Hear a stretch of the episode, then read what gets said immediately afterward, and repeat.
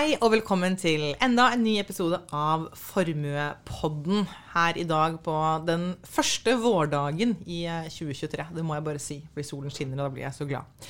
Eh, vi har hatt mange spennende temaer i, eh, i Formuepodden, men denne uken så føler jeg vi skal innom noe som er litt utenom det vanlige. Vi skal nemlig i dag snakke om konsekvensene av det Christian har tatt opp ved flere anledninger tidligere, nemlig de demografiske endringene en, som da gir en stadig eldre befolkning. Men mer spesifikt så skal vi da se på hvordan aktører innen private equity nå ser på dette som et meget interessant investeringsområde. Og da er det ikke hovedsakelig Christian som skal svare på, på, dette temaet her. For da er vi så heldige at vi har fått med oss en gjest, nemlig Mathilde Ragnhild Tveit, som er investeringsanalytiker på Private Equity hos Formue. Velkommen hit, Mathilde. Tusen takk for det, Sunniva. Kan du eh, kanskje aller først fortelle litt om deg selv, din eh, bakgrunn, hvor lenge du har vært i Formue, og, og hva jobber du egentlig med i denne PE, Private Equity-avdelingen? Eh, det kan jeg absolutt ha å gjøre. Um, så jeg har nå jobbet i formue i tre år. Jobber hovedsakelig med forvalterseleksjon og forvalteroppfølging innenfor det området vi kaller private equity. Har der et spesielt ansvar for å følge opp våre investeringer innenfor det vi kaller life science, som nå begynner å bli en, en betydelig del av porteføljen vår. Før jeg startet i Formue, så studerte jeg på Norges handelshøyskole. Der tok jeg en hovedprofil i finans har også studert italiensk kulturhistorie og informasjonsteknologi, så jeg har vært innom litt forskjellig.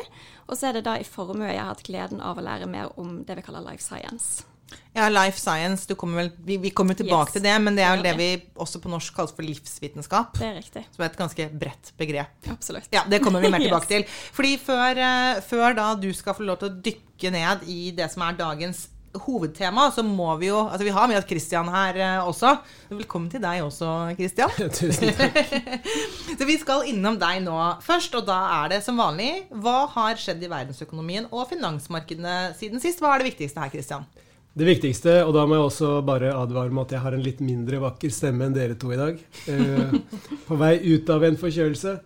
Eh, men det viktigste som har skjedd, det er vel egentlig at eh, vi har fått en ny bølge med, kall det, pessimisme knyttet til hvor høyt sentralbankene kommer til å øke styringsrentene. Og det er jo fordi vi da har fått flere negative overraskelser knyttet til inflasjon.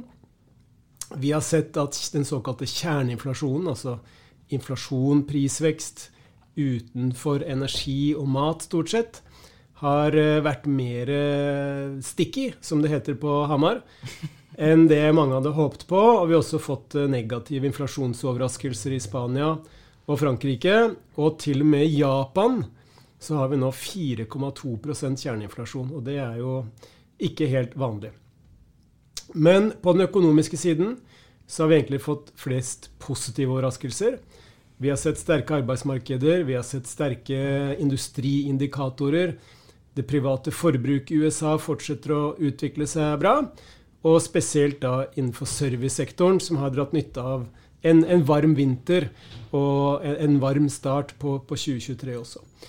Men kombinasjonen da av negative inflasjonsoverraskelser og positive vekstoverraskelser har egentlig ført til en ganske betydelig reprising, som nevnt, av hvor høyt sentralbankene kommer til å løfte styringsrentene.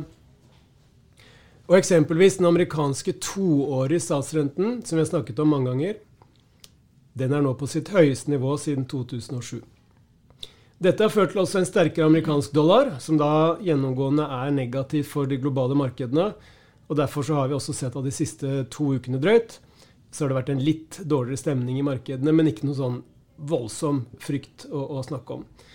Men når vi ser da at økonomiene går ganske bra, så er det et tegn på at renteøkningene som sentralbankene har gjennomført så langt, de har ikke svekket økonomien nok for å få inflasjonen raskt nok ned mot det, mål, det, det målet de har på rundt 2% Og så tenker jeg også at i forbindelse med inflasjonstall så er det ofte slik at finansmarkedene reagerer positivt når inflasjonstallene faller.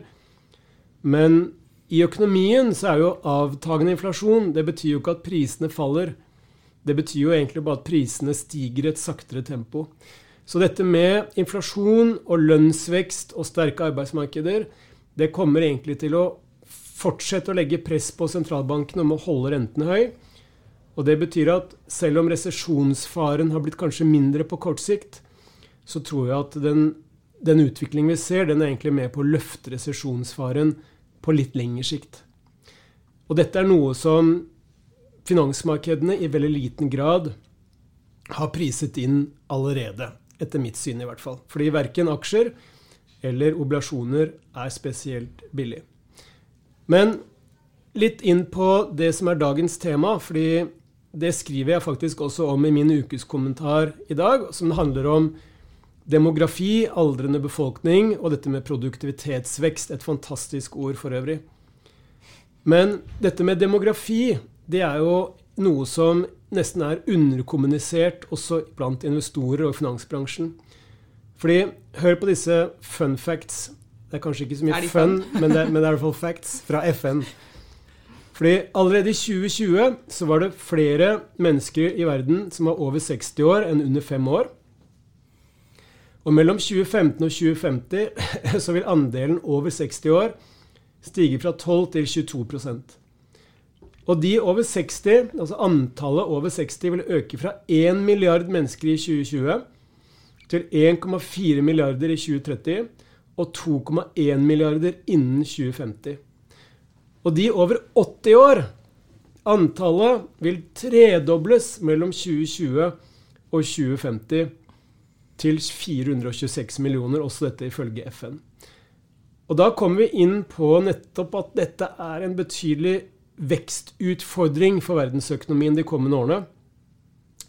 Men i denne utfordringen så ligger det også ganske store investeringsmuligheter. fordi hvis man får en aldrende befolkning, så betyr det at behovet for helsetjenester og annen type eh, tilpasset, tilpasset, produkter, tilpassede leveranser, tjenester, vil bare øke kraftig. Og det er jo det vi til det skal snakke om i dag.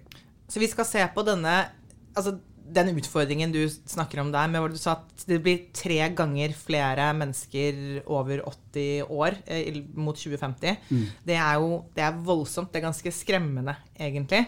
Eh, men vi ser da en, vi ser noe positivt ved det også, og velger å ta på oss de gule, gule solbrillene, eller ja, eh, investeringsmulighet. The future is so bright, we got to wear shades. Nettopp, nettopp. Ok, så da um, går vi over til, til Mathilde. Um, og kan du, før vi begynner på hovedtemaet, også bare si noen ord om hva private equity er, og hvordan dere former jobber på området. Vi har jo hatt en hel episode om eh, Altså en spesialepisode om PE, som vi kommer til å kalle det fremover nå. Eh, tidligere, og var, Det var vel siste episoden vi hadde før sommerferien i 2022, mm. så den kan dere jo gå og søke opp og høre på hvis dere vil det. Men eh, uansett så kan det være nyttig for uh, både nye og gamle lyttere å få en liten kort introduksjon til det. Yes, så Private equity det er jo et ganske ukjent begrep kan man si på norsk. Men helt sånn generelt og overordnet så handler jo dette her om investeringer utenfor børs, altså investeringer i privateide selskaper.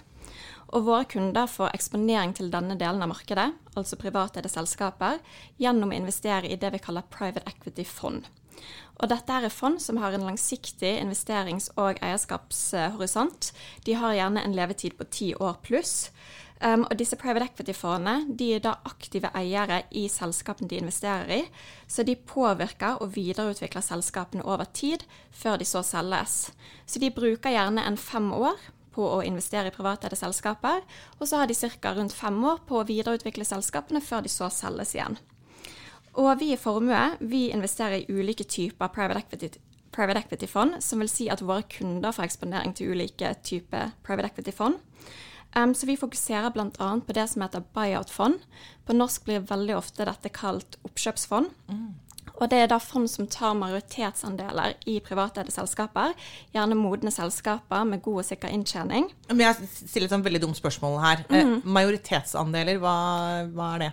At man, man, kjøper mer enn 50 okay, av selskapet. Ja, at man har kontroll over selskapet og virkelig kan være aktive eiere. Skjønner. Da er det enklere å drive med selskapsutvikling. Takk. For det, det skiller jo også litt investeringer i et vanlig aksjefond, f.eks. For, yes. for da er det jo veldig mange eiere mm. av et selskap. Ja. Og veldig mange av de har ikke over 50 og Mm. kan påvirke utviklingen i selskapet. Det. Enten det gjelder forretningsmodell eller ESG eller hva det måtte være. Så det er, jo, Mm. Ja. det er jo et veldig kjennetegn ved PE. Ja, At du har mye mer aktiv påvirkning av selskapets utvikling. absolutt. Og da blir det også enkelt å finne fremtidens løsninger. Her kan man aktivt jobbe mot det. Um, så en annen, et annet type private equity-fond vi også investerer i, er det som kalles venturefond. Eller ofte, ofte kalt tidligfasefond, um, oppstartsfond. Um, men det handler da om å finansiere tidligfaseselskaper. Og da har man gjerne en minoritetsandel, altså man eier mindre enn 50% men man har gjerne andre kontroll- og innflytelsesmekanismer, som f.eks. at man sitter i styret til selskapet. Um, og her har vi jo historisk eh, gjort mye venturefond fokusert på teknologi. Det er jo ofte det man forbinder med venturefond. Uh, men det vi skal prate om i dag, Life Science-fond, det finner vi innenfor denne venturefond-kategorien. Så det er under den paraplyen. Um, og det gir jo også en god diversifisering i porteføljen vår at vi har venturefond som både fokuserer på tidligfase teknologiselskaper, men da også fokuserer på det vi kaller life science. Men er det da riktig å si at uh, life science og, og venture har høyere risiko enn buyout og oppkjøp? Ja, absolutt. Det er, en, det er andre typer selskaper. Det er jo tidlig fase. Så det er ikke modne selskaper med sikker inntjening på samme måte. Um, du, du sendte meg jo noe materiale før uh, vi skulle spille inn denne podden som forberedelse. Og, og for min del så var dette området litt uh, nypløyd mark på mange måter, men uh, jeg fikk jo nesten bakoversveis med tanke på hvor utrolig spennende det er, og, og hvor mange investeringsmuligheter og hvor mange satsingsområder som egentlig er innenfor for life eh, science. Finnes det forresten et norsk begrep for life science? Eh, Det finnes nok ikke en veldig god norsk oversettelse. Eh, Man prater jo ofte om livsvitenskap, men det i seg selv er heller ikke så forklarende. Og man sier gjerne at det handler om studien av levende organismer. Men når vi prater om life science innenfor private equity, og slik vi ser på det i formue, så handler det da om finansiering og utvikling av nye legemidler og behandlingsmetoder som kan forbedre og ikke minst redde liv. Men uh, hvilke type mm, forpliktelser eller investeringer har dere gjort innenfor Life Science så langt, da? Så innenfor Life Science så har vi forpliktet 1 milliard norske kroner. Um, og det går da til fem forvaltere innenfor Life Science. Um, og vi sier gjerne at de har komplementerende strategier. Vil si at disse Life Science-forvalterne de dekker da hele utviklingsløpet til nye legemidler. Så akkurat hva det innebærer, kan vi komme tilbake igjen til senere. Men, men det betyr i praksis at vi investerer hos spesialistmiljøer, Helt riktig. som igjen gjør de direkte investeringene i disse enkeltstående selskapene. Ja, og det er kjempeviktig, fordi verken jeg eller andre på teamet har en medisinsk bakgrunn. Og derfor er det så utrolig viktig med god forvalterseleksjon innenfor life science, fordi der trenger man virkelig noen som har ekspertise på Ja. dette som handler om medisin og legemidler. Det er ganske lange løp. Det, jeg kjenner det litt grann sånn fra den andre siden. Det med den type oppstartsselskaper og det å på en måte gå fra en tech-idé der til noe som faktisk skal ut til mennesker, er selvsagt et veldig langt og veldig strengt løp. Ja, absolutt. Så det kan jeg også komme tilbake igjen til litt senere. Um, og, og det vi også har, er jo eksponering til life science-sektoren i Biot-porteføljen. Så altså den delen av porteføljen som har mer modne selskaper. Så her ser vi ganske stor interesse i ulike miljøer. Og det vi har sett en fremvekst av, det er investeringer i det vi kaller CROs, som står for Contract Research Organizations, og CMOs, eller CDMOs, som står for Contract Manufacturing Organizations. Og hva er det? Det er rett og slett selskaper som, som bistår med å gjennomføre førkliniske og kliniske studier. Så de hjelper altså til i utvikling, utviklingen av legemidler og produksjon av legemidler. Så på den måten så har også Bayard Fond sikret seg en slags allokering til life science-sektoren. Um, så jeg kan jo trekke frem et eksempel. Uh, vi forpliktet kapital til en forvalter som heter Archimed, hovedkontor i Lyon, også basert i New York. Um, det er et veldig stort og spesialisert team. Um, som jeg nevnte, så er det veldig viktig at de har uh, bakgrunner som forstår helsesektoren. Så her er det en god miks mellom medisinsk, operasjonell og finansiell bakgrunn. De dekker da syv sektorer innenfor helse, som de igjen har delt inn i 400 undersektorer som de følger tett. Um, og da har de i disse hovedsektorene sine så har de fokus på um, life science og også da farma. Eller biofarma, kaller de det. Og de investerte Altså medisiner? Ja, eller, ja, og på en måte nettverket koblet til legemiddelindustrien. Mm. Um, så eksempel logistikktjenester for å frakte Ah, legemidler nettopp. kan være et eksempel. Um, så de investerte nylig i det vi kaller en CMO, Contract Manufacturing Organization. Uh, og de jobber da med å produsere plasmid DNA, som f.eks. brukes i produksjon av mRNA-vaksiner. Og det har dere sikkert hørt om før. Ja, det, det har vi kjent om. Ja, det vet vi kanskje litt for mye om. Covid-vaksine. Ja, COVID, ja, ja. helt riktig. Åpenbart veldig, veldig viktige og nyttige eh, ja, ting. Ja. ja, så der ser vi at de også er aktive innenfor dette her. Um, og vi ser også at mindre spesialiserte biotforvaltere, som gjerne ikke bare investerer i helse, de er også veldig aktive innenfor dette feltet. Men ok, eh, hvordan er prosessen med å finne de beste investeringene da? Altså hvilke, eh, hvilke type aktører er det dere jobber med eller samarbeider med for å finne ut av dette? Så for å finne de beste private equity-fondene, så vil jeg si at vi har en todelt prosess. Så vi jobber med det som heter plasseringsagenter, og vi har også en mer proaktiv metode for å finne disse mulighetene. Ja, Plasseringsagenter? Yes. Okay. Det er også et litt sånn gresk begrep. Men det er da ofte egne selskaper eller deler av investeringsbanker som jobber aktivt med å hente inn kapital til private equity-fond. Så dette er veldig vanlig for Bayat-fond. Så Archimed, som vi nettopp pratet med, de ble vi introdusert til gjennom en plasseringsagent. Men for venturefond, slik som f.eks. Life Science-fond, så er det ikke like vanlig å bruke plasseringsagenter, så det krever at man er mye mer proaktiv. Så det vil si at vi må jobbe aktivt med kartlegging, vi må jobbe aktivt med nettverksbygging. Um, så i fjor så jobbet vi f.eks. med kartlegging av europeiske aktører. Identifiserte da en life science-forvalter, som vi da forpliktet kapital til for en to uker siden. Så ja, det er veldig viktig å være til stede på ulike konferanser, um, og også bygge aktivt nettverk. Um, og akkurat nå så jobber vi med, med kartlegging og har intromøter med amerikanske life science-fond. Så nå har jeg funnet et veldig interessant miljø. De skal hente kapital i 2025. Så da har vi allerede nå startet analysefasen, som kanskje kan lede opp til en forpliktelse i 2025. Spennende. Men hvis vi går tilbake til dette med kliniske studier og produksjon av legemidler, hvordan ser egentlig eh, legemiddelutviklingsprosessen ut? Ja, Jeg kastet det- ut at det er en lang og omstendelig prosess, Ja. men uh, du kan fortelle mer om det. absolutt, så jeg skal ikke gå altfor mye i detaljer, fordi vi kunne sikkert pratet i flere timer om akkurat det. Uh, Men sånn oppsummert så er det jo en veldig tidkrevende, kapitalkrevende og risikofylt uh, prosess. Um, Så det hele starter jo gjerne med, med forskning, som leder til en idé. Og dette går så inn i det vi kaller førkliniske studier, og det er her man bl.a. tester på, på dyr. Um, og tester da bl.a. er dette her trygt å gå videre med. Um, og hvis det viser seg å få godkjennelse for videre studier, så går man inn i det som kalles kliniske studier. Og det er i denne fasen man begynner å teste på mennesker. Um, og den kliniske fasen er igjen inndelt i ulike faser, um, så tre faser. Um, uten å gå i detalj på hver eneste fase her, så kan man si at man i løpet av denne tiden, som varer en god del år, tester sikkerhet, virkning, bivirkninger og dosering.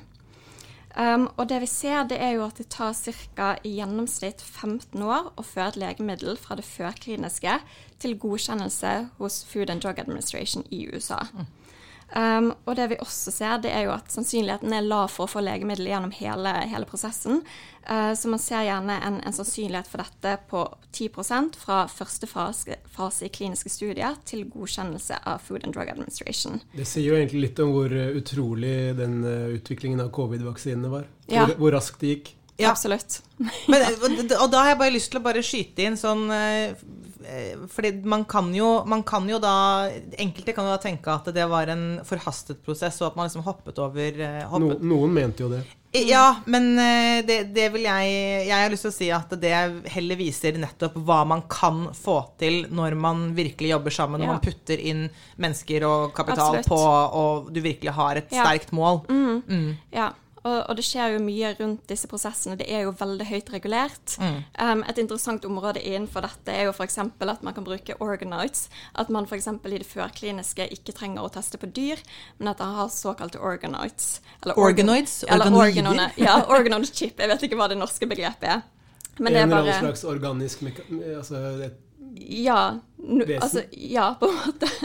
Um, så at man på en måte kan erstatte det, og slippe å bruke dyr, da. Um, så vi får se hvor, hvor det ender. Uh, men når det gjelder disse ulike fasene, så har vi nå forvaltere som dekker alle faser. Så vi har noen forvaltere som nesten utelukkende investerer i det førkliniske, og så har vi noen som eh, investerer helt i da, sluttfasen og opp mot kommersialisering av legemiddelet. Mm. For da vil du også ha ulik type risiko da, ja. på de ulike eksponeringene. Helt fordi riktig. jeg vil jo tro de tidligste fasene har jo langt større risiko for å mislykkes. Ja, absolutt. Så fase tre til, til, godkjennelse FDA er vel 50% sannsynlighet. Så mm. da er det litt mer sikrere. Før klinisk, der er det mer binære utfall. Jeg må si at jeg ble litt eh, overrasket i positiv forstand. Ja, at det var eh, så mye som 10 eh, som altså sannsynlighet fra første fase til godkjennelse. Men mm. det er vel sikkert litt kommer an på øyet som, som ser. Men uh, dette er jo åpenbart en omfattende prosess, og det er klart at det, legemidler må jo ha en sånn omfattende og god, god prosess. Men uh, jeg skjønner jo da at det ikke er gitt at vi har medisin på markedet helt ennå som Formue har vært med på å finansiere. Finnes et legemiddel på det norske markedet hvor Formues kunder har vært involvert i finansieringen? Det er jo litt kult hvis det ja. gjør det. Det skjedde i fjor. Nei, er det så, sant? Ja, Vi har en artikkel på Innsiktbloggen hvis noen er interessert i å se på detaljene. Eh, men jeg kan jo også oppsummere det her i dag. Så det er et legemiddel som heter Lekvio for høyt kolesterol. I dag så er det Novartis som har de globale rettighetene til å utvikle, produsere og kommersialisere dette legemiddelet. Um, og det er gjort i samarbeid med et selskap som heter Alnylem, som i utgangspunktet oppdaget dette legemiddelet. Um, så man kan kanskje si at det er en slags vaksine. Um, der man kan ta to doser i året for behandling av høyt kolesterol, og slipper da å huske på disse daglige tablettene, fordi mm. det kan jo være litt vanskelig. Um, og dette her er da bygget på RNA-vaksineteknologi, som vi pratet om, det er vi kjent med. Um, så dette her ble godkjent i Europa i desember 2020 og godkjent i USA i 2021. Og det er da Blackstone Life Sciences som har vært involvert i dette legemiddelet. Um, som vi da har investert i for et par år siden, og som noen av våre kunder da har, har eksponering mot. Så de inngikk da en avtale med Alnylem i april 2020 som var verdt to milliarder dollar. Og det er jo et eksempel på at, at Blackstone de opererer i et område i markedet som det ikke er så veldig mange andre. Mm. Fordi det er ikke hvem som helst som kan stille med to milliarder dollar til en avtale.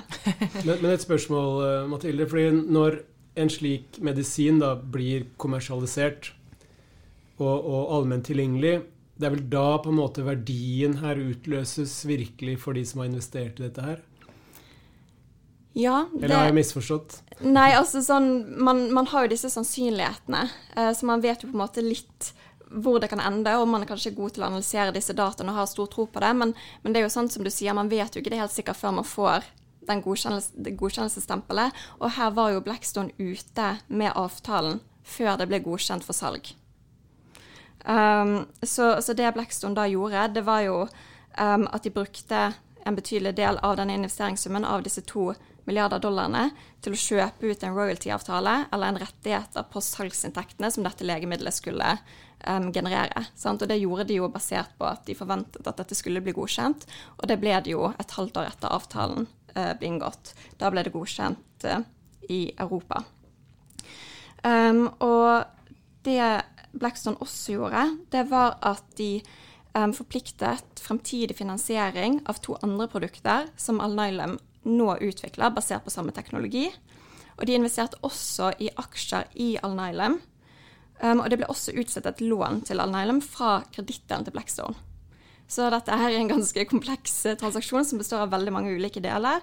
Og det er et godt eksempel på hvordan Blackstone på en måte skiller seg ut i markedet innenfor life science. Ja, for Det virker som de er veldig opptatt av å spre risiko, altså investere i forskjellige typer Eh, verdipapirer da, og investeringer mm. som er knyttet til denne sektoren. Ja, og det handler jo om, om risikospredning. Mm, ja.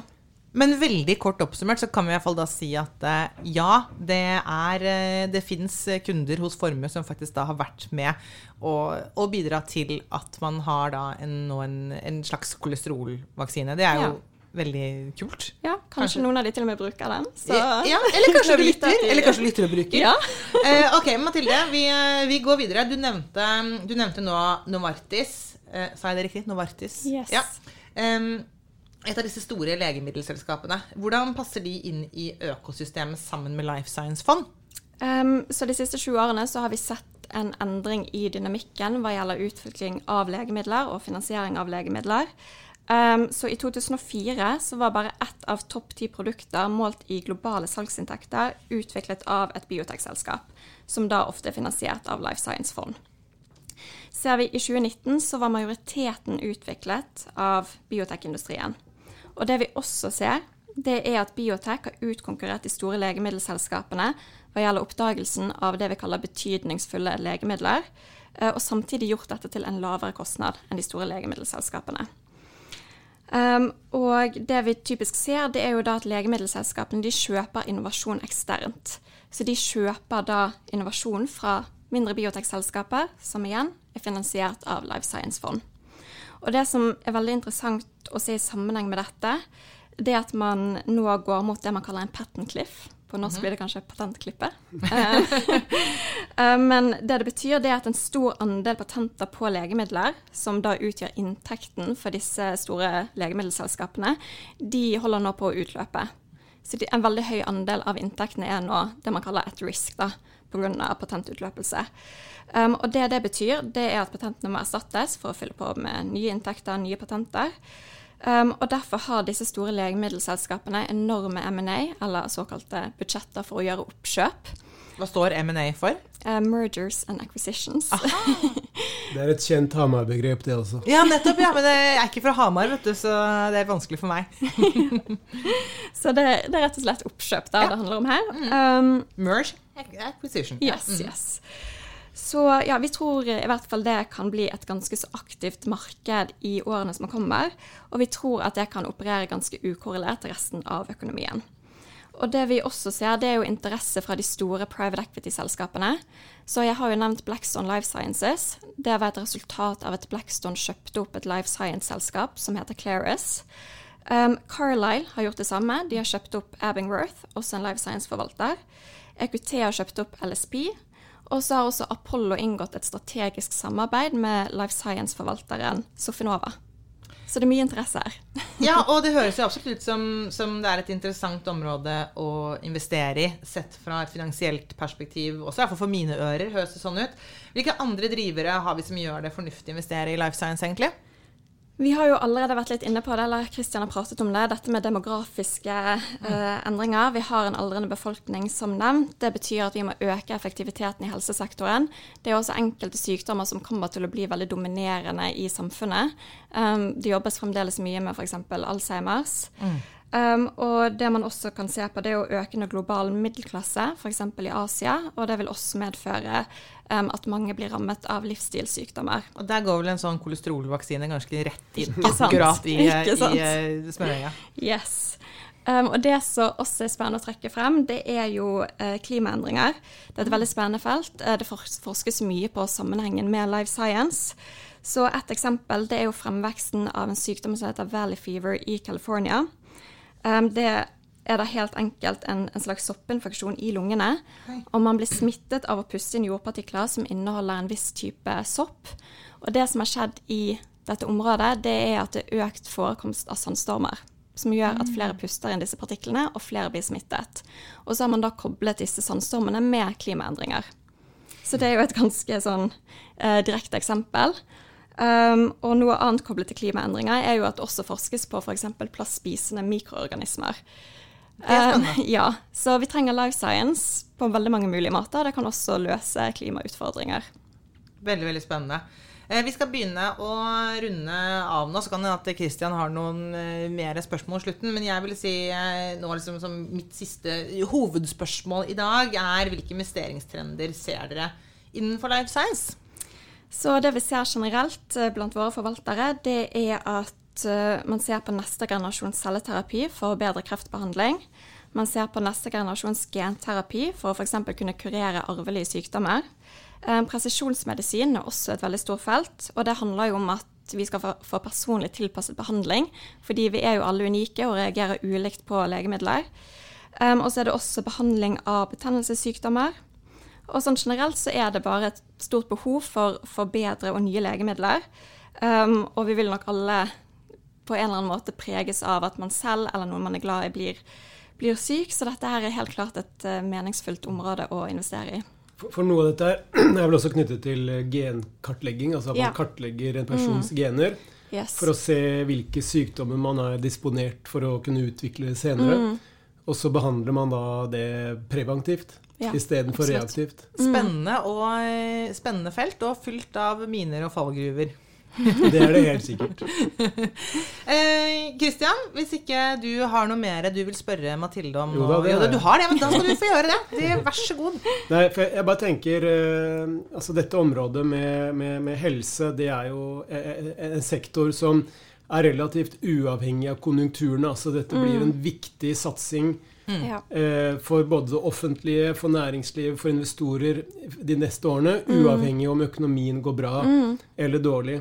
Og, og, senest denne uken her så er det jo artikler i, i Financial Times hvor eh, aktører spår urolig marked, urolig økonomi, men helsesektoren den kommer til å klare seg mm. uh, uavhengig av om vi får opptur eller nedturer. Um, men når det da på en måte er sånn allment uh, kjent at dette er en sektor som virkelig har fremtiden foran seg, mm. uh, vil det ikke da være ekstremt konkurranse blant investorer, blant PE-miljøer, mm. om å finne de riktige selskapene? Jo. Ja, absolutt. Um, vi ser jo at flere og flere aktører tar inn helse som et satsingsområde i strategien sin. Um, så her er det jo på en måte viktig at de f.eks. etablerer en såkalt track record, eller kan vise til historiske resultater. Dette er en industri de, de kan godt. De har et nettverk. De har, som jeg tidligere nevnt, medisinsk, operasjonell og finansiell bakgrunn. Um, og det vi sånn generelt også gjør innenfor PE, det er jo at vi holder oss i, i små til midcap, eller små til mellomstore selskaper. Fordi vi ser jo denne trenden blant store oppkjøp, oppkjøpsfond også, um, det vi kaller large cap, som kjøper store selskaper.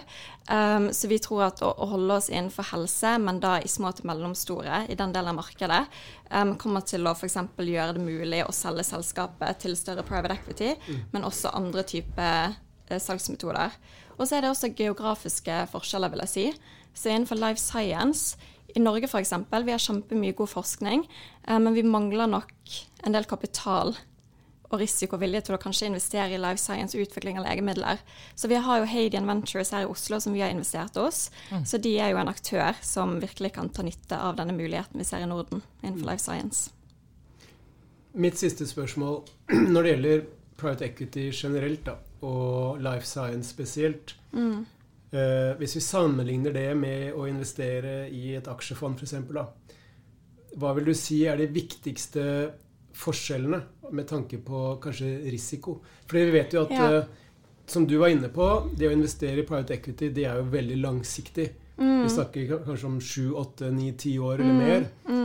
Så, så, og, og, og, i det så ligger det også mindre likviditet enn ja. du har i et aksjefond. Ja. Men hvis du prøver å sammenligne risikoen her fordi vi vet jo at f.eks. innenfor Life Science da, så har du jo, som du var inne på, litt sånn binær risiko. Mm. Altså noen ting blir kjempesuksesser, mm. mens andre ting som man har investert i, mm. de bare visler ut i sanden. Ja. De, de, blir ingenting. Ja. Uh, så, så, du har jo helt klart en sånn type binær risiko mm. innenfor dette segmentet av PE. Ja, helt klart. Um, og det som er interessant med det, er jo at det kommer helt an på hvor forvalteren fokuserer, som du var inne på. Så vi har jo en forvalter som jeg har nevnt, som investerer i det førkliniske. Og der er det veldig benært. Det er risikofylt. Um, men det man må huske på, er at det kan ofte være en del av strategien. De er veldig klar over at dette er benært. Eh, så det de typisk gjør i Life Science-fond, det er jo at de gjerne forplikter et beløp. Så de investerer ikke hele summen på dag én. Man faser inn investeringsbeløpet over tid. Så det man gjør, man starter med en ganske liten investeringssum, og så ser man hvordan dette her leverer på testene. Hvis man ser at det ikke ser lovende ut, så kan man stoppe investeringen ganske tidlig, og dermed ikke ha tapt så mye penger. Og da tar man heller å allokere denne kapitalen mot det man anser som vinneren i porteføljen, som kanskje kan returnere flere ganger fondsstørrelsen. Ja, Så det er en form for risikostyring underveis? Da. Ja, helt riktig. Mm. Så dette her er de på en måte eksperter i å gjøre, og de, de vi har investert hos som investerer i det førkliniske, de har holdt på med dette siden 90-tallet. Mm. Så de har veldig god erfaring og vet hvordan de skal prioritere kapitalen i fondet. Supert. Kristian, eh, da, da, ser det ut som at eh, du, du, sitter rolig. Da har jeg lyst til å um, Før vi skal takke av Mathilde, så eh, lurer jeg på du, hvis du vil oppsummere, eh, hva, hva, er din oppsummering av denne episoden her i tre setninger, eller noe?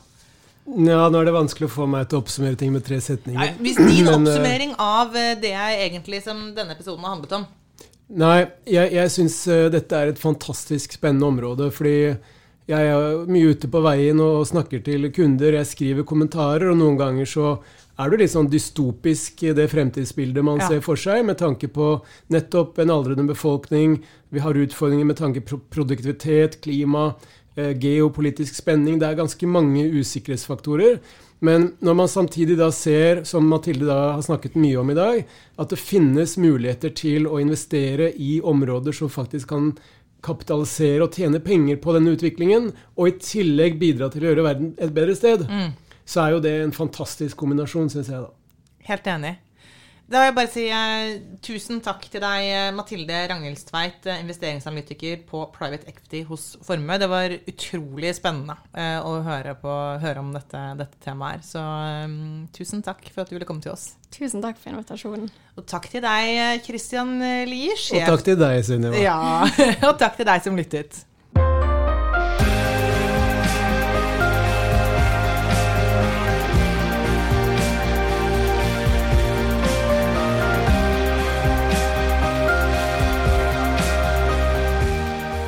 Du har hørt på Formuepodden, en podkast fra Formue.